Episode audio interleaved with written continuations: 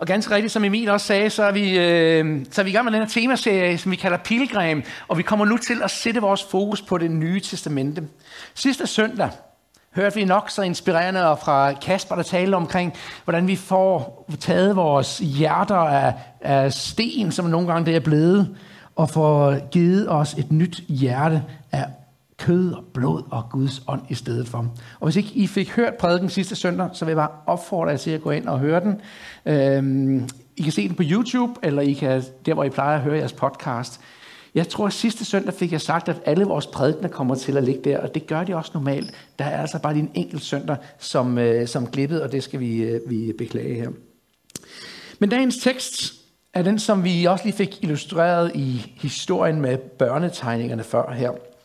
Og situationen er den, at de vise mænd fra Østerland havde set et tegn på himlen om, at der skulle fødes en kongesøn. Og derfor var de draget til eh, Jerusalem, for de ville finde ham. Men kong Herodes, han vidste jo ikke noget om det her.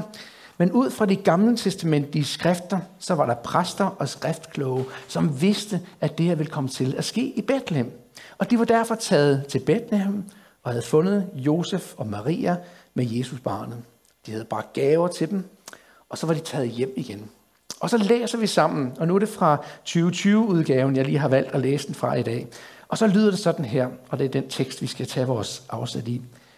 Men da stjernetyderne var rejst, kom der en engel i en drøm til Josef og sagde til ham, Du skal stå op og tage til Ægypten med barnet og hans mor og blive der, indtil jeg siger til. Herodes leder nemlig efter barnet for at slå ham ihjel. I nattens mulm og mørke stod Josef op og flygtede til Ægypten med Maria og Jesus. Der blev han til Herodes, til Herodes var død. På den måde gik det, Gud havde sagt i opfyldelse. Hos profeten Hoseas står der nemlig, fra Ægypten hentede jeg min søn. Amen. Lad os bede sammen. Gud, vi beder dig sådan om, at du må tage den her tekst også, og du må åbne den for os. Du må inspirere os ud fra den. Også at vi må tage noget med os hjem, som vi også skal bruge i vores hverdag. At vi må få lov til at opleve, at vi også bliver mødt af dig gennem denne tekst. Det beder vi om i dit eget navn. Amen. Er lyden okay for jer? Ja, super. Se, det her det er en lidt enkel tekst, som øh, man måske kan godt undre sig over, hvad har den med det tema at gøre, som vi arbejder med her med pilgrim.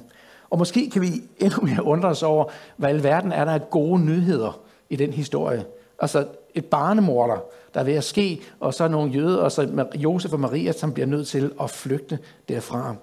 Så hvad har det hvad er evangeliet, de gode nyheder til os i dag? For det er jo det, vi gerne vil prøve at give videre, når vi altid prædiker, når vi dykker ned i teksterne her. Men der er faktisk sådan flere håndtag eller nedslagspunkter, som jeg godt kunne tænke mig at tage jer med ind i på den her vandring. Så jeg håber, I vil, øh, vil følge med her.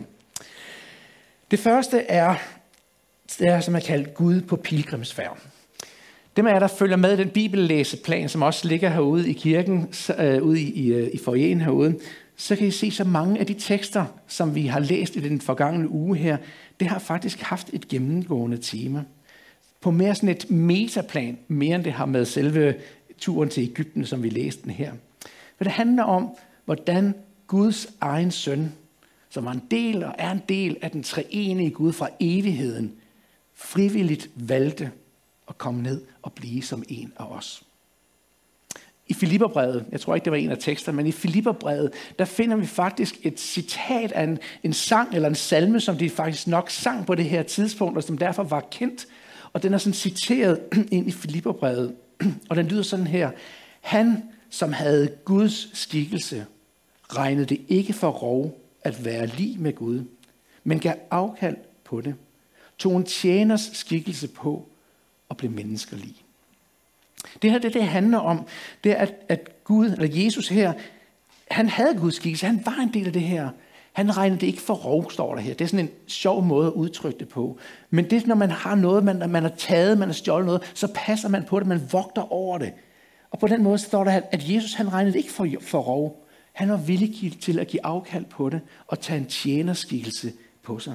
Og det illustrerer måske meget godt, hvad den her pilgrimsfærd Guds pilgrimsfærd handler om. Fordi Gud valgte i Jesus Kristus at give afkald på sin guddomsskikkelse og blive ligesom os. Han ønskede simpelthen at komme ned og prøve at gennemgå nøjagtigt de samme ting, vi som mennesker også gennemgår. Så han har oplevet alt det, som du og jeg også kan komme til at opleve. Og det betyder faktisk, at vi kan ikke stå i en situation, som Gud ikke på en eller anden måde kender til og har en forståelse for, fordi han har også været der. Han har prøvet det på sin egen krop også. I en af teksterne til i dag her, der læste vi også om, hvordan Jesus han blev fristet i ørkenen. Men flere af teksterne var også hentet fra Hebræerbrevet, som om nogen i det nye testamente faktisk øh, sætter fokus på det her. Forfatteren han benytter sådan et billede, hvor han sammenligner Jesus med en ypperste præst, som træder ind i vores sted. Og prøv bare at lytte til lige bare nogle af de vers, som vi også har læst sammen, men som i ugen her, men som på en eller anden måde opsummerer det, som øh, er pointen her. Der står sådan her, for vi har ikke en ypperste præst, der ikke kan have medfølelse med vores skrøbeligheder, men en, der er blevet fristet i alle ting, ligesom vi, dog uden synd. Med andre ord, han har prøvet det. Og det, det handler faktisk ikke bare om, at han har medfølelse eller kan forstå os. Fordi læser vi videre i, i, øh, i Hebræerbrevet, det andet kapitel, så står der faktisk, at for som den, der selv er blevet fristet og har lidt, kan han hjælpe dem, der fristes. Så det er ikke kun et spørgsmål om, at han står udenfra og kigger og siger, åh, det er godt nok synd for ham eller hende. Det forstår jeg, det har jeg også prøvet det der. Han skal have gennemlevet det her, fordi at han kan komme til at hjælpe os i samme situation. Han går ind og træder ind for at kunne komme os til hjælp. Og med Hebræernes brevets egne ord, så står der, sådan, hvor der står, at for en kort tid bliver han gjort ringere end engle. Han gennemgik alle de samme ople- de oplevelser, lidelser og død. Så det er Guds nåde, som kommer os alle sammen til gode, står der.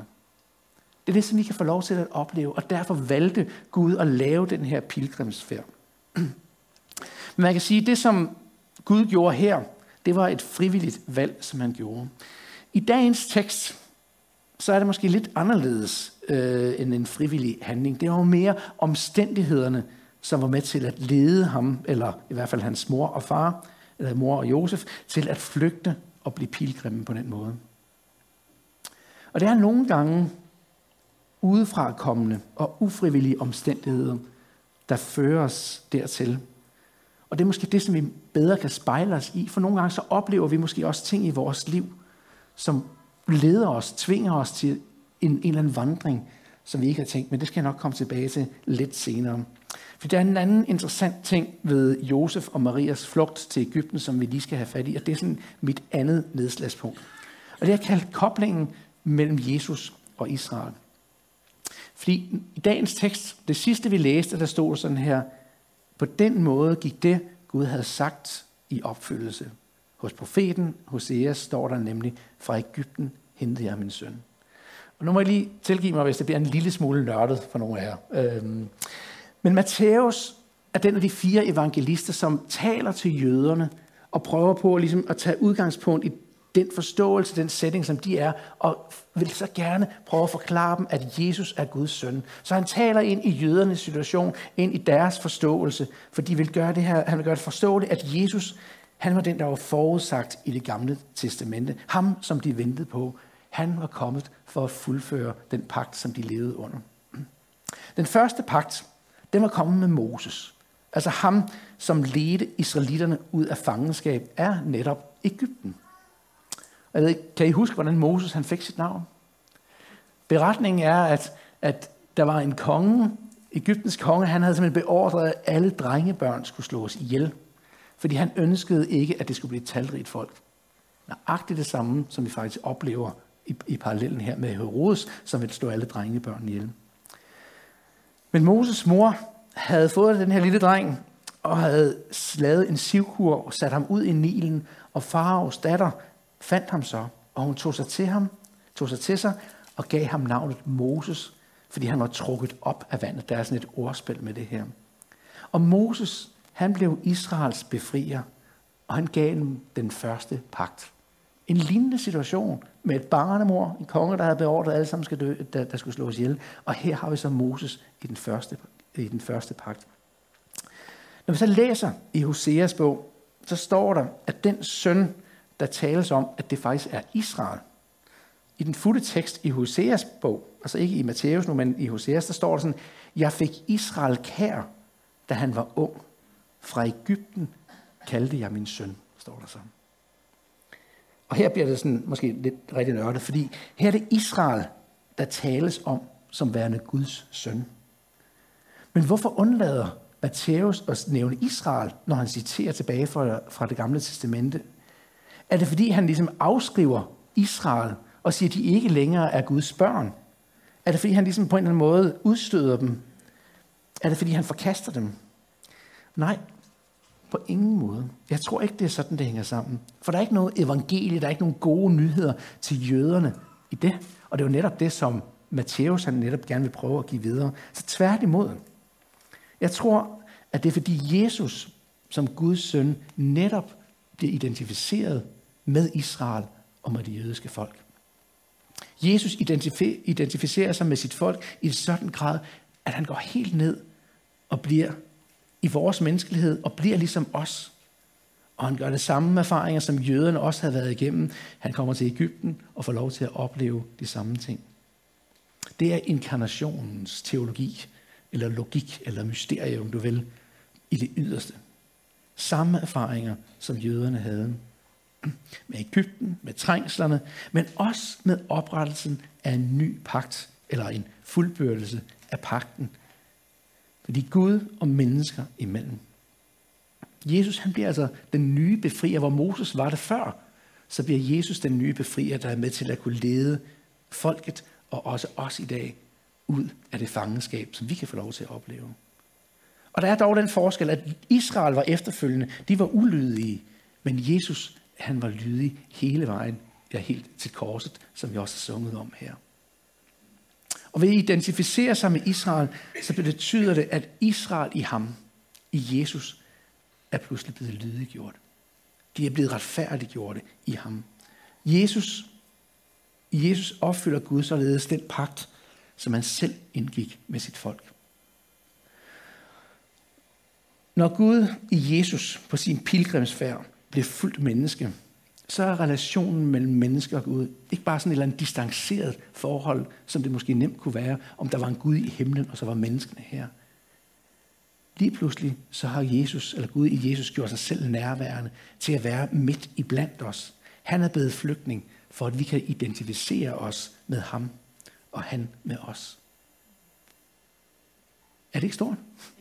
Jeg, jeg bliver sådan helt, wow, når man lige griber det og siger, wow, han er kommet os i møde. Han er blevet ligesom os, netop fordi han vil hjælpe os, han vil være sammen med os, han vil forløse os, han vil befrie os. Og Paulus han udtrykker det sådan her et andet sted i 2. Korintherbrev, sådan for, at Gud han forlidte os med sig selv ved Kristus. På hans initiativ, så forlidte han os med ham. Jeg synes, det er stort i hvert fald. Der er et lille kuriosum, som jeg også lige har lyst til at gribe fat i. Og det handler lidt om, øh, det var ikke uden grund, at det netop var Ægypten, at Josef og Maria og Jesus øh, tog til. Vi finder ikke så meget information, det er faktisk næsten alt det information, vi har læst nu her, som vi finder i Bibelen omkring den her turen til Ægypten. Men anderledes er det, hvis man dykker ned i de apokryfe bøger. Det er sådan nogle bøger, som er skrevet på samtiden også, men som ikke kom med i den bibel, som vi kender i dag, fordi at den, øh, de, de ikke var førstehåndsvidner. Øh, og så sorterede man dem fra. Men de apokryfe bøger bliver brugt meget, og også i mange kirker, i mange kirkeretninger, så tager man stadig fat i dem her. Luthers talte om, at de er gode at tage ved lære af også. Men i de skrifter, der finder vi faktisk mange beskrivelser omkring Josef og Maria og Jesus, da de var i Ægypten. Og man har faktisk på baggrund af det kortlagt deres rute. Og i dag så findes der i Ægypten mange klostre af den vej, som de gik på, for det blomstrede op rundt omkring den, den valgfærdsvej, eller den pilgrimsrute, som det er. Og der er faktisk mange, som går den pilgrimsvandring i dag. Det er en lang tur. Hvis man tager den hele, er det cirka 2.000 kilometer, siger man. Og, øh, og man, man taler om, at ud fra skrifterne i i apokryfe også, at det har i hvert fald nok taget omkring tre år for Josef og Maria. Så det er noget af en pilgrimsfør at tage ud på. Vi er så vant til de her quick fix. Vi vil gerne have tingene hurtigt ordnet. Tre år var de afsted på den måde. På Jesu tid var der faktisk jødiske samfund også i Ægypten, så det var normalt, at man tog og flygtede til Ægypten, hvis der opstod situationer i Israel. Så var det ikke uvandt, at man tog til øh, Ægypten. Og det var det blandt andet også, fordi der var en opfattelse af, at når man tog til Ægypten, så kunne man faktisk bevare sin identitet i, hvem Kristus var på vandringen. Så man kunne på en eller anden måde have sig selv med, uden at føle, at man skulle lave en masse om på sig selv. Man var med på vandringen, og man kunne bevare sin identitet i ham, og hvem man var som jøde, til trods for, at man var på flugt. Jeg synes, for mig så lærer det også, også noget i dag, at nogle gange, når vi oplever måske at komme på en vandring, en pilgrimsvandring, at være på flugt, så kan vi bevare vores identitet i Jesus Kristus, fordi han vil bevare os i ham på en eller anden måde giver det også et håb ind til os. Hvad enten om det er en frivillig eller ufrivillig pilgrim eller flugt, vi er på, så kan vi bevare vores identitet i ham. Og jeg siger nogle gange, nogle af jer har garanteret også hørt det, når vi sidder i samtaler med folk, og, og hvis der er folk, som virkelig brydes med ting i livet og kæmper, oplever, at livet godt kan være svært. Så nogle gange så er jeg lidt fræk, og så siger jeg tillykke til dem. Og det siger jeg, fordi nogle gange så er det, fordi jeg oplever, at Gud har taget dem i sin skole. Og i Guds skole, så er det ham, der har, han, han har fat i den lange ende. Og det kan godt være en hård vandring. Og vi kan som kirke og som fællesskab, og jeg ønsker også gerne at træde sige, jeg vil gerne være med på den vandring. Men, men der er nogle gange, så er der en vandring, vi må gå selv, fordi Gud ønsker at lære os noget. Og nogle gange kalder Gud os ud på en sådan pilgrimsvandring. Det kan være hårdt, ja men vi kan bevare vores identitet i, hvem vi er, og vi kan nogle gange blive endnu mere rodfæstet. Vi kan lære noget af den vandring, som vi er på. Så hvis du sidder i samtalen med mig på et tidspunkt, og jeg siger tillykke til dig, selvom du sidder og bare bryder dit hjerte, og alt det, du synes, du synes er svært, så ved du hvorfor. Det er fordi, jeg har en oplevelse af, at Gud han har fat i, dig, i den lange læne, og han kommer til at lære dig noget. Ikke at det ikke bliver hårdt, men jeg gerne vil være med, og vi vil gerne være med på din vandring. Men der er en vandring, du måske selv skal gå. Og det leder mig sådan over til det sidste punkt, jeg bare har lyst til, har lyst til at tage fat om.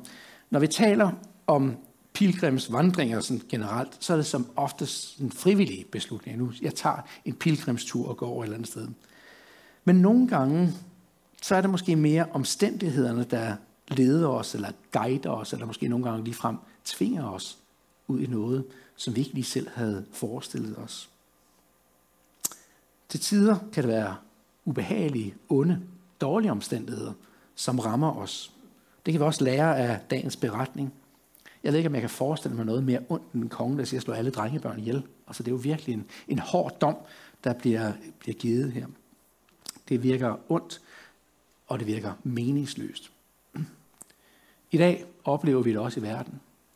FN anslår, at der i dag er mere end 100 millioner mennesker på flugt som flygtninge krige, naturkatastrofer, klima, øh, klimaforandring osv., de ting kan drive os på flugt.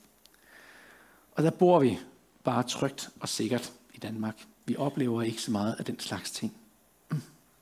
Men hvis jeg skal lave en parallel over til vores egne liv, så kan der nogle gange være situationer eller omstændigheder, som kommer til at drive os af veje, som vi ikke selv har haft lyst til at gå af.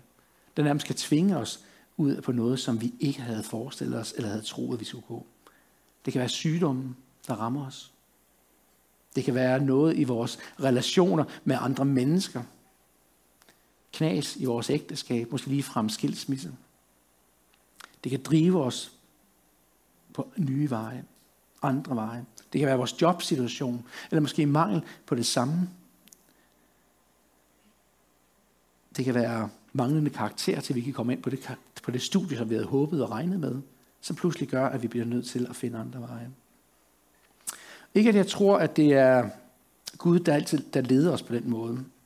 Og jeg tror heller ikke altid, det er, det er vores egen skyld. Nogle gange kan det godt være Gud, der leder. Og nogle gange kan det også godt være vores egen skyld, at vi havner i en eller anden situation. Men meget ofte, så kan det også bare være ting, som vi ikke selv er herre over. Omstændigheder, situationer, som rammer os, og det påvirker os og med til at guide os, lede os, eller måske tvinge os af andre veje. Og i de situationer, så synes jeg næsten altid, det første spørgsmål, som jeg hører blive stillet, det er, hvorfor Gud? Hvorfor Gud? Kender I det? Hvorfor i verden? Hvorfor skulle det her ramme mig? Hvorfor skal jeg lige pludselig stå i den her situation? Det er ikke fair. Hvorfor, Gud? Men måske er der ikke et svar, hvor meget vi end gerne vil vide dem, og hvor meget vi gerne vil kende dem. Og, og nogle gange så, så øh, har jeg også selv gjort det, prøve at komme med nogle forklaringer, bare for at få det at give en eller anden form for mening i mit, i mit hoved. Jeg siger, men det er nok fordi, at hvis jeg havde gjort det, så var der sket noget andet, og så ville Gud hellere passe på mig. Eller, der, vi kan komme ud i mange ting, og der, det, det kan sagtens godt være. Men jeg tror nogle gange, så er det altså undskyldning, vi prøver at finde på, for at tilfredsstille vores egen uforståelighed over for det, som vi står i. Og måske er der nogle helt andre spørgsmål, som vi skal stille os selv. I skriften har vi et løfte fra Gud om, at alting virker sammen til gode for den, som elsker ham. Alting, står der, alting virker til gode for den, som elsker ham. Det kan godt være rigtig svært at tro på og forstå, når man står midt i situationen.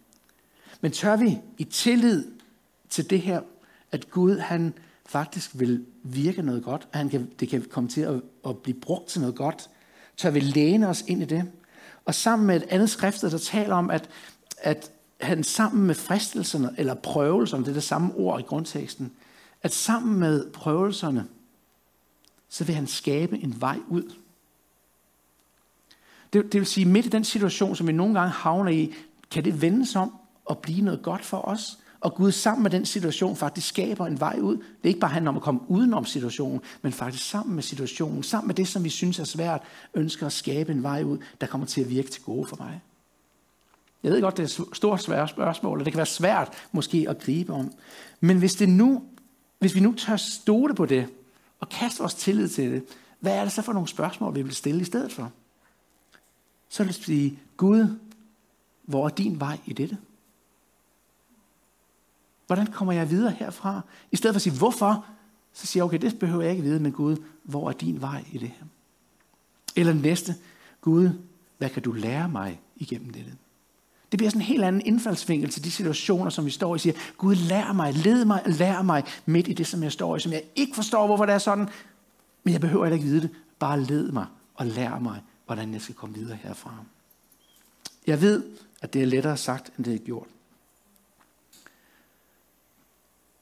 Og når vi stiller spørgsmålet, og vi måske heller ikke synes at få nogle svar, og heller ikke kan se nogen vej ud, og ikke kan se, hvad det er, vi skal lære af det her, så kan det være rigtig svært. Og det kan være svært nogle gange også at vente. Og så for at vide, i den situation er jeg, men for Israel, på vejen ud af Ægypten, der tog det 40 år, så bare vent. Det er ikke en trøst. 40 år er alt for lang tid i vores perspektiv af det her. Vi vil gerne have et kvikfisk. Men nogle gange så er der måske en periode, som vi skal gå igennem. Måske er der noget, som tager noget tid, før vi får det lært i vores liv. Men vores bøn bliver den samme. Gud, led mig og lær mig i den tid også her. Fokuset bliver et helt anderledes, end når vi står i vores frustration og bare råber, hvorfor. Alternativet, hvor vi prøver at søge mening i det meningsløse, det synes jeg heller ikke som værende en god løsning. Hvis jeg lige skal opsummere lidt fra dagens tekst i dag, om Josef og Maria, der tog Jesus barnet med på flugt til Ægypten, så kan det lære os, at omstændighederne nogle gange kan lede os af veje, tvinge os til veje, som vi ikke selv ville have gået, og som måske heller ikke synes at give nogen som helst form for mening at stå midt i det.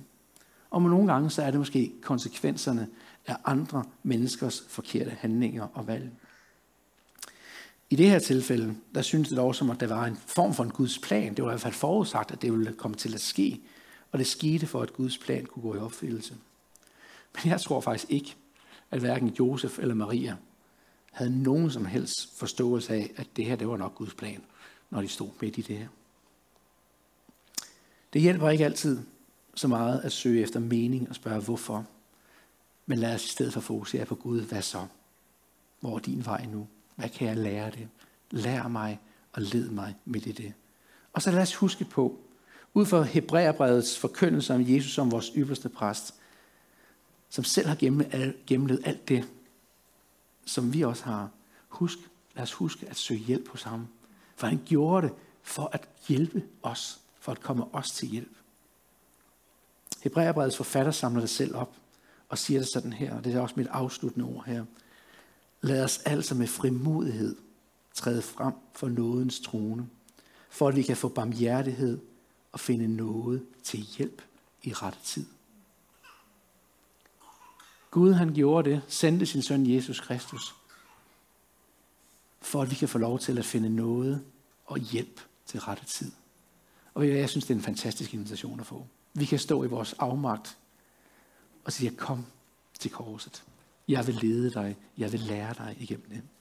Og helt ærligt, ofte så kan vi svært ved selv at bede bønderne. Vi kan have svært ved selv at se, hvor går vejen det her. Men hvor er det godt, at vi har et menighedsfællesskab og nogle kristne omkring os, der vil være med til at være med på vandringen. Og den del af det at være kirke er faktisk også, at vi er på den her vandring med hinanden. Vi hjælper og vi støtter hinanden i den færd, i pilgrimsfærd, i det, som nogle gange tvinger os. Og derfor vil vi også om et øjeblik nu her også give mulighed for, at vi gerne vil være med til at bede for dig. Står du i en situation, hvor du bare synes, det er meningsløst, du har svært ved at se vejen i det her, så vil vi gerne bede sammen med dig, om at Gud må vise sig sin vej for dig, og han også vil lære dig noget igennem den tid, som du står midt i. Lovsensgruppen må gerne øh, komme op nu her. Men lad os lige bede en bøn sammen, inden vi fortsætter med lige at lovsynge Gud, men også give mulighed for respons. Hvis du ønsker, at vi skal være nogen, der vil være med til at, at bede for dig, så vil vi meget gerne være det.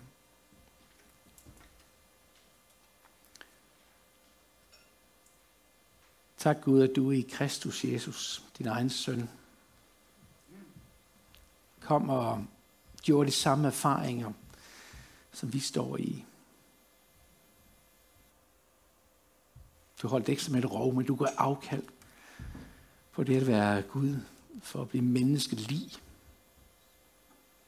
for at sætte dig ind i vores situation. Og du gjorde det ikke bare for at få medfølelse med os, eller for at kunne forstå os. Du gjorde det, fordi du ønsker os at hjælpe os, og også hjælpe os i dag. Og Gud, du kender hver af vores situationer, det som vi står med, det som vi kæmper med, hvor vi famler os frem nogle gange. Men Gud, må du lære os, og må du lede os i det, som vi står midt i. Hjælp os til ikke altid at bare vil prøve at forstå, hvorfor, men i stedet fokusere på din ledelse og på din visdom. Og tak, at du har givet os som kirke, at vi kan få lov til også at tjene sammen, at vandre sammen, stå side om side, når vi er i Guds skole. Men vi ved også, at nogle gange så er der nogle vandringer, vi selv må tage. Men Gud hjælp os til at være gode til at støtte og bære hinanden i de tider, hvor livet opleves svært. Hvor omstændighederne rammer os. Det beder vi om i dit eget navn. Amen.